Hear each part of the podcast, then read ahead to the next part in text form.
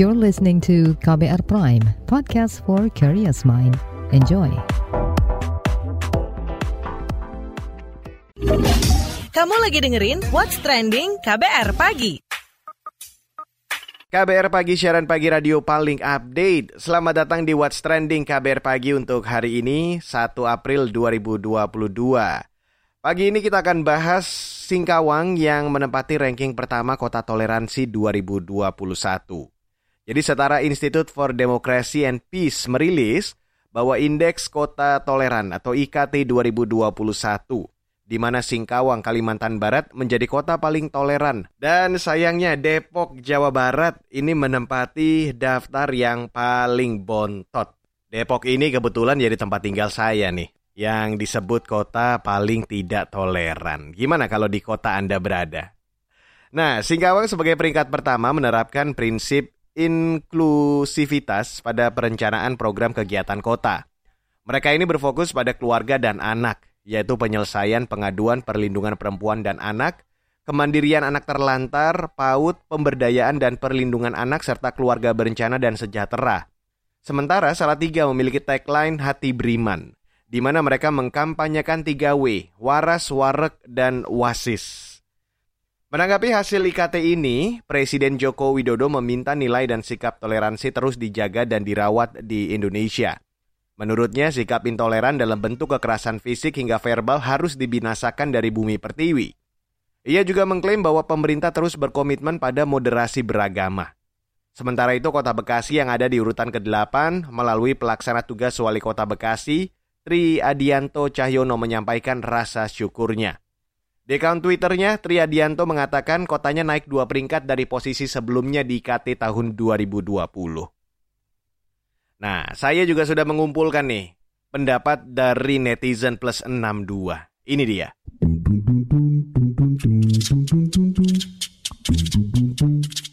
Kita ke komentar at Rahmat XX, Singkawang kota paling toleran tahun 2021 versi Setara Institut. Lalu komentar at Fuza XX, selamat untuk kota Singkawang yang kembali mendapat penghargaan kota paling toleran se-Indonesia dari Setara Institut. Saya berharap agar kota Singkawang bisa terus jadi teladan gimana resolusi konflik bisa dijalankan. Lalu at Hari XX, kota Manado runner-up kota toleran. Lanjut at Dodi XX, pakat banget Setara Institut untuk kelima kalinya merilis laporan Indeks Kota Toleran. Presiden Jokowi ingin agar sikap intoleransi hilang dari Indonesia. Lanjut ke Ed Ajo XX Depok mah jangan ditanya. Lalu Ed Taufan XX. To be honest, saya warga Depok dan mengakuinya. Basis-basis eksklusivitas mungkin bisa ditemukan dari politik, tempat ibadah, fasilitas umum, bahkan sekolahan. Dear Pemkot Depok, please do something. At Ari XX, seperti apa nih metodenya? Apa indikatornya? Lanjut at Yeni XX, dalam survei dibutuhkan kejujuran dan keterbukaan agar hasilnya valid. Lalu at Cakra XX, Setara Institut membuatkan Ambon kota toleran ketujuh di Indonesia. At Panjela XX, Bekasi nomor 8, masih tamzab. Lalu at Ceni XX, berkunjunglah ke salah tiga kota kecil sejuk dan damai. Rasakan keharmonisan warganya dalam bertoleransi yang sudah puluhan tahun terpelihara dengan baik. Dan terakhir, at Scat XX, meskipun baru sekali ke sana, Salatiga adalah kota yang penuh kenangan, sejuk, dan sangat toleran. What's Trending KBR Pagi Selamat pagi untuk Anda yang baru saja bergabung di What's Trending KBR Pagi untuk hari ini 1 April 2022. Kita lagi membahas Singkawang yang menjadi atau menempati ranking pertama kota toleransi 2021. Saudara Kepala Badan Litbang dan Diklat Kementerian Agama RI Abu Rohmat mengatakan, pemerintah terus berusaha menjaga dan merawat toleransi di Indonesia. Abu mengusulkan adanya kolaborasi antara indeks kerukunan beragama dengan indeks kota toleran. Seperti apa? Berikut saya hadirkan pernyataan selengkapnya. Biasanya ketika berbicara tentang kerukunan, berbicara tentang toleransi, seluruh mata itu tertuju kepada Kementerian Agama. Bahkan sering kami mendapatkan pengarahan dari Pak Menteri, reputasi dan kinerja kita yang dilaksanakan oleh Kementerian Agama Tetapi kalau tidak diimbangi dengan bagaimana kita mewujudkan dan upaya menjaga, merawat toleransi, kerukunan itu rasanya seperti sia-sia. Bulan November, bulan Desember, dan Januari biasanya Kementerian Agama itu spot jantungnya lebih kenceng itu. Bagaimana kita menjaga agar rukun dan damai itu menjadi betul-betul bisa diwujudkan di masyarakat. Kementerian Agama punya indeks kerukunan umat beragama. Monggo nanti kita kawinkan. Kita kawinkan, kita kolaborasi. Syukur-syukur kalau BPP mau nambah ya silahkan Bu. Sekarang karena lead banknya sudah bergeser ke BRIN, Nah, kita akan coba cari cara supaya indeks kerukunan bisa berkolaborasi dengan indeks toleransi karena salah satu indikator dari indeks kerukunan adalah toleransi. Karena itu kemudian Pak Menteri Agama sangat mengapresiasi kegiatan ini. Kita berharap betul-betul wali kota, bupati dan seterusnya betul-betul akan menginspirasi bagi kota-kota dan kabupaten-kabupaten yang lain untuk menjadi contoh bahwa menjadi kota yang toleran itu sesungguhnya merupakan amanat undang-undang. Oleh karena itu kegiatan ini layak untuk terus dilanjutkan dan kita akan berharap mendapatkan banyak manfaat dari kegiatan ini. Sedangkan Sekretaris Jenderal Kementerian Dalam Negeri Suhajar Diantoro meminta daerah-daerah dengan tingkat toleransi rendah untuk belajar dari 10 besar Indeks Kota Toleran 2021.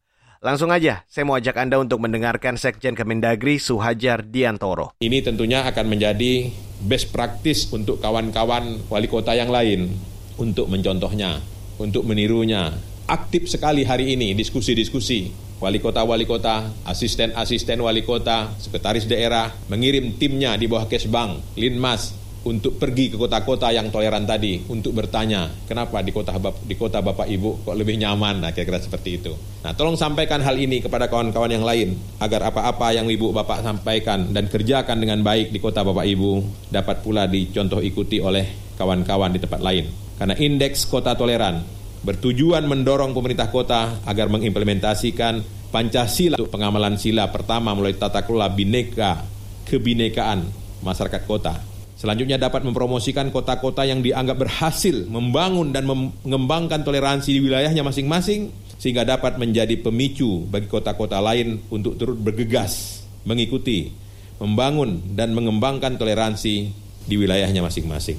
Dan menjadi peringkat pertama kota Singkawang memiliki terobosan lewat peraturan wali kota Singkawang nomor 129 tahun 2021 tentang penyelenggaraan toleransi masyarakat.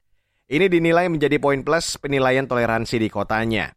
Wali kota Singkawang Chai Cui Mi mengungkap, terbentuknya toleransi ini karena kerjasama dari semua pihak, baik pemerintah dan masyarakat. Mereka saling menjaga kerukunan dan keharmonisan hidup beragama.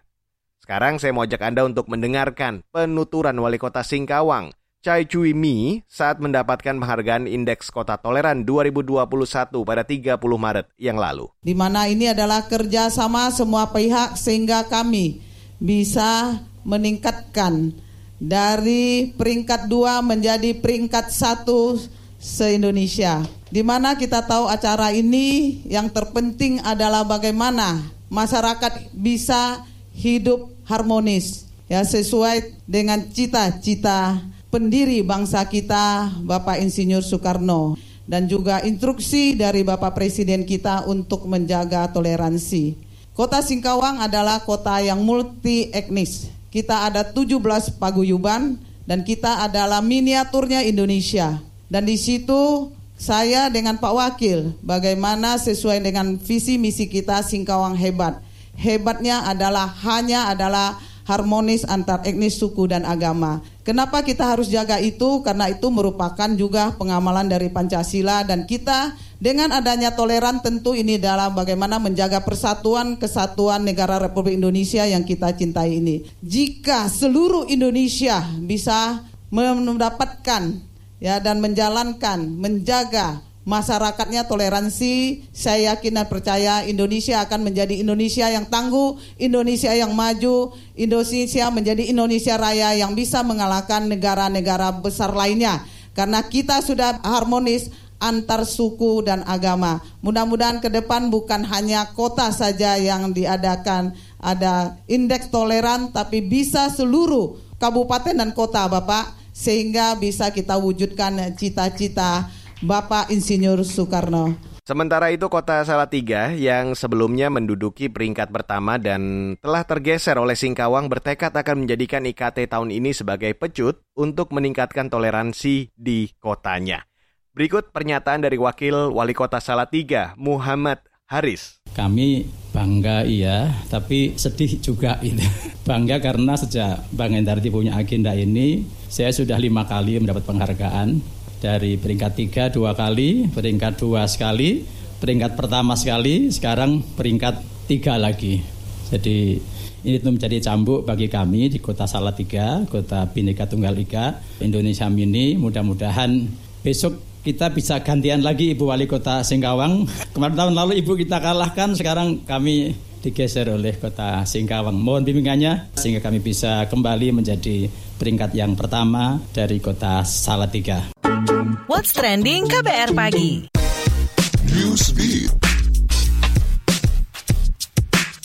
Kementerian Haji dan Umrah Saudi mengizinkan wanita dengan usia di atas 45 tahun menjalani ibadah umrah tanpa wali laki-laki atau mahram.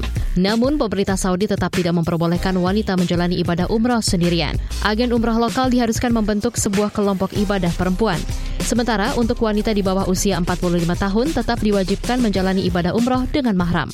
Selain itu, pihak Saudi telah mengizinkan orang yang belum divaksinasi COVID-19 untuk mengikuti ibadah umroh dan berdoa di Tanah Suci. Omikron siluman atau varian BA.2 menyebabkan lonjakan kasus COVID-19 di Korea Selatan. Lebih dari 400 ribu kasus terdeteksi pada 30 Maret 2022. Meski ini bukan angka tertinggi penyebaran COVID-19, Pusat Pengendalian dan Pencegahan Penyakit Korea Selatan KDCA mewanti-wanti masyarakat akan kemungkinan lonjakan kasus. Omikron siluman ini diprediksi akan terus menyebar luas dengan cepat di Korea Selatan. Melansir kantor berita Yonhap, Korsel mencatat 32 kasus impor dan kematian mencapai 430 32 kasus. Untuk menanggulangi masalah ini, pemerintah terus mengebut program vaksinasi di negaranya, khususnya penyuntikan booster ke anak-anak berusia 5 hingga 11 tahun. Perusahaan game berbasis pembayaran uang digital Ethereum Ronin Network Game Axie Infinity mengungkapkan peretasan uang digital kripto. Uang senilai 615 juta US dollar atau setara 8,8 triliun rupiah dicuri oleh peretas menggunakan kunci pribadi untuk memalsukan penarikan. Ini disebut-sebut sebagai pencurian terbesar uang digital kripto. Terkait kasus ini, pihak Ronin Network bekerja sama dengan pihak terkait untuk menyelidiki kasus ini. Seperti dilansir Crypto Slate, perusahaan tersebut bertekad untuk menemukan pelaku untuk diadili. Selain bekerja sama dengan pihak terkait, mereka juga bekerja sama dengan Synalysis untuk memantau aliran dana yang dicuri.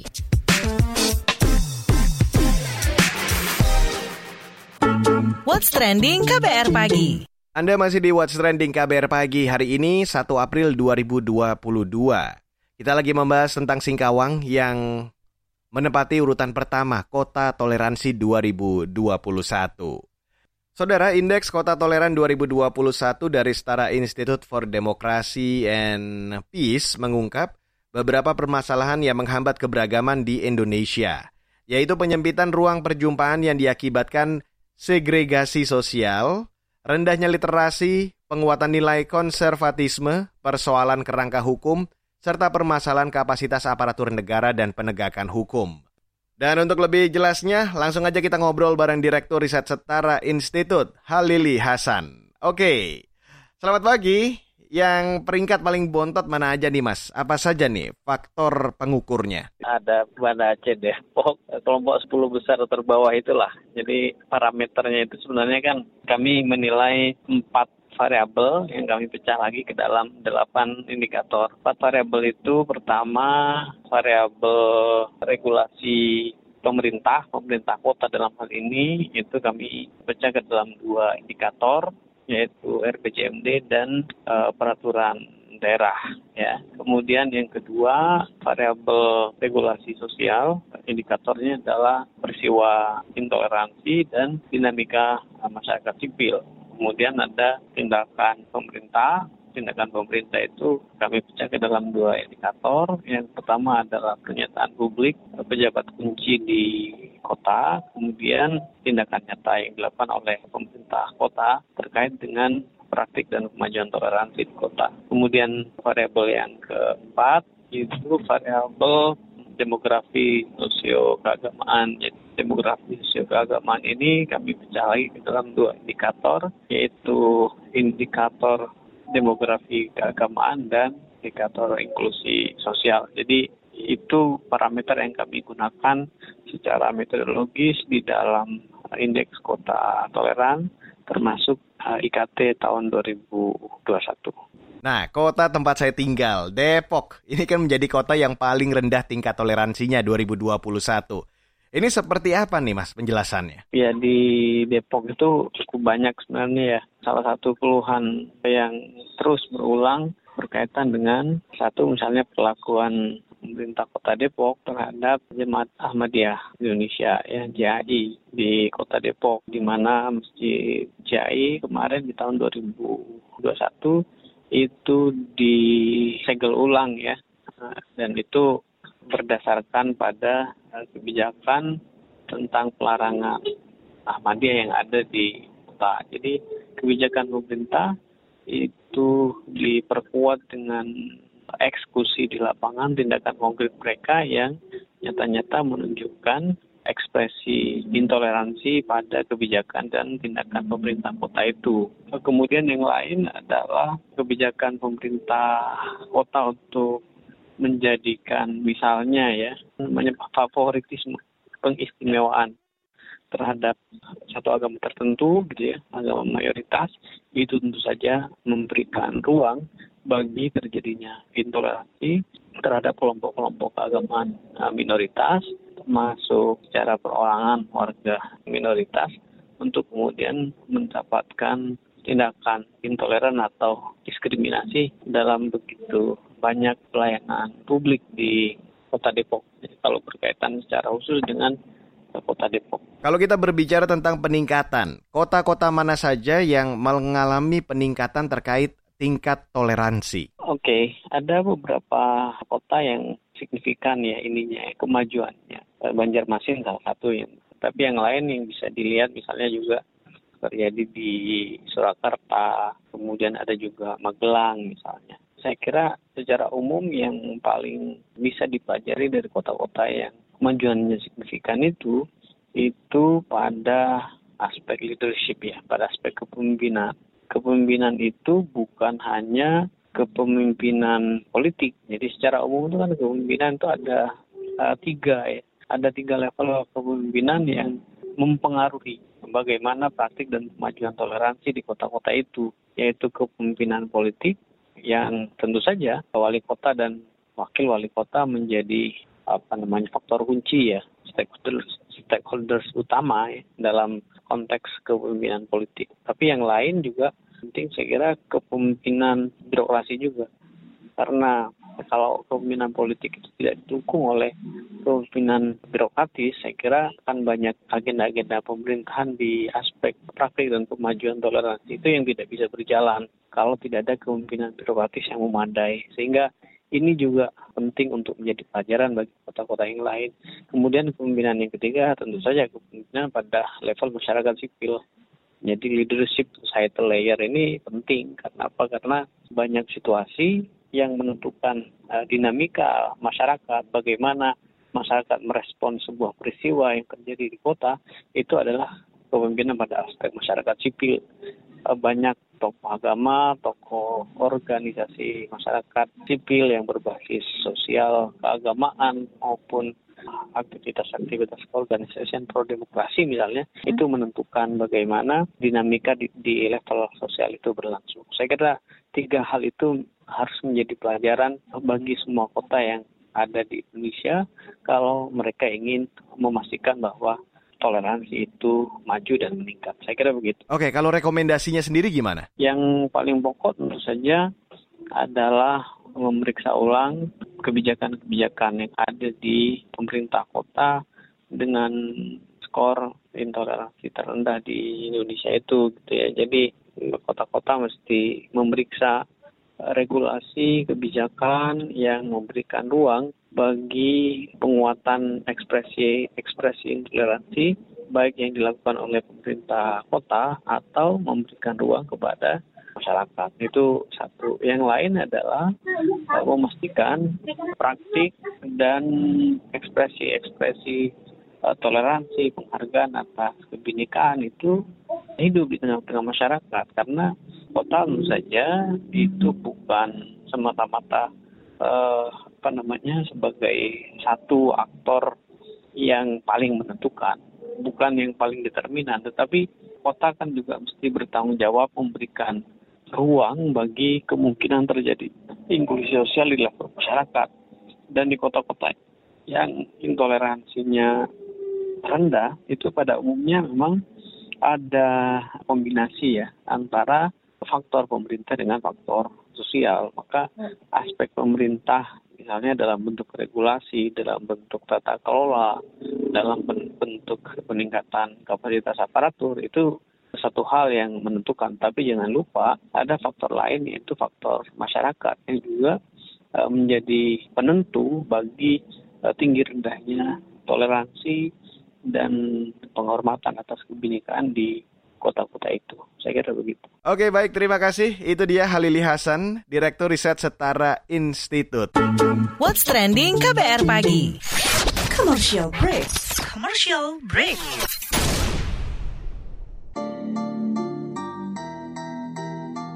Come on yo. Buat yang sukanya berhoax, you better listen to this one. Check this one out yo. Hati-hati kalau baca kabar Hoax. Jangan langsung disebar kabar yang Hoax. Kalau mau tahu kabar benar atau Hoax. Dengerin cek fakta yang pasti bukan Hoax. Dengerinnya setiap Senin yang jelas bukan Hoax. Cuma ada di kbrprime.id Betul. Dan aplikasi podcast lainnya Hoax. Sudah cukup-cukup hoaxnya? Hoax. Cukup Jaga emosi, tahan jari, verifikasi sebelum dibagi. Saya Aribo Sasmito, Ketua Komite Pemeriksa Fakta Mafindo. KBR Prime, podcast for curious mind. What's Trending KBR Pagi.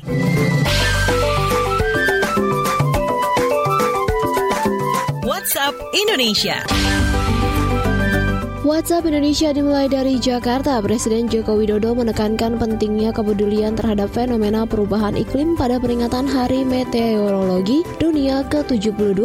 Jokowi mengatakan dampak dari fenomena perubahan iklim yang tengah terjadi saat ini semakin mengkhawatirkan seperti terjadinya peningkatan suhu udara, kenaikan permukaan laut hingga cuaca dan iklim ekstrim yang makin sering terjadi dan beresiko. Menurutnya, keadaan ini merugikan Indonesia yang berbasis negara agraris. Peace. Presiden Jokowi mengatakan frekuensi, intensitas, dan durasi bencana geohidrometeorologi akan semakin meningkat, daya adaptabilitas tanaman dan produktivitas tanaman semakin menurun dan ini akan mengancam ketahanan pangan di negara kita. Presiden menekankan pentingnya untuk menumbuhkan sistem edukasi kebencanaan yang berkelanjutan dengan melakukan edukasi literasi dan advokasi berkelanjutan.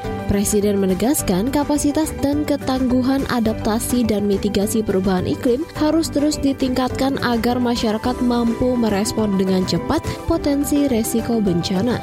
Masih dari Jakarta, ekonom dari Indef Tauhid Ahmad menilai skema crowdfunding atau urun dana masyarakat bakal sulit diterapkan untuk pembangunan ibu kota negara atau IKN Nusantara. Pasalnya, proyek infrastruktur IKN merupakan jangka panjang. Ia pesimistis pemerintah bisa menabatkan banyak pemasukan dari skema ini. Kata dia, kalau belajar dari Belanda, crowdfunding dari masyarakat itu menggunakan platform yang dikelola pemerintah namun jumlahnya relatif kecil. Ekonom dari Indef Tauhid Ahmad meminta jika skema urunan dana dilakukan maka harus ada pengawasan dan juga transparansi. Di sisi lain, dia juga menilai peluang investor besar masuk di proyek IKN kecil sebab investor besar biasanya mengincar daerah yang ramai penduduk. Sebelumnya, Kepala Badan Otorita IKN Bambang Susantono menyampaikan masyarakat dapat turut berkontribusi mewujudkan pembangunan IKN melalui urunan atau crowdfunding.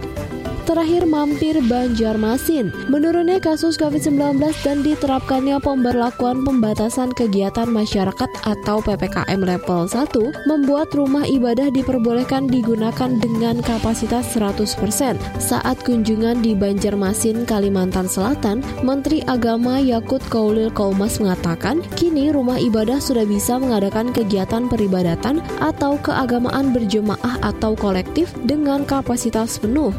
Namun, Gus Yakut meminta para jemaah tetap menjaga protokol kesehatan untuk mencegah dan memutuskan mata rantai penyebaran COVID-19 terjadi kembali. Tempat ibadah yang berada di kawasan level 2, kegiatan peribadatan berjemaah dibatasi hingga 75% dari kapasitas. Sedang untuk kawasan level 3, jemaahnya dibatasi maksimal 50% dari kapasitas. Demikian WhatsApp Indonesia hari ini. Baiklah, demikian KBR pagi untuk hari ini, edisi 1 April 2022. Terima kasih untuk Anda yang sudah bergabung pagi hari ini dan tak lupa menjelang bulan Ramadan saya mewakili tim dari KBR Pagi mengucapkan selamat menjalankan ibadah puasa Ramadan untuk Anda yang menjalankan. Selamat menikmati akhir pekan Anda. Saya Reski Mesanto undur diri dari KBR Pagi. Salam. Terima kasih ya sudah dengerin What's Trending KBR Pagi. KBR Prime, cara asik mendengar berita. KBR Prime, podcast for curious mind.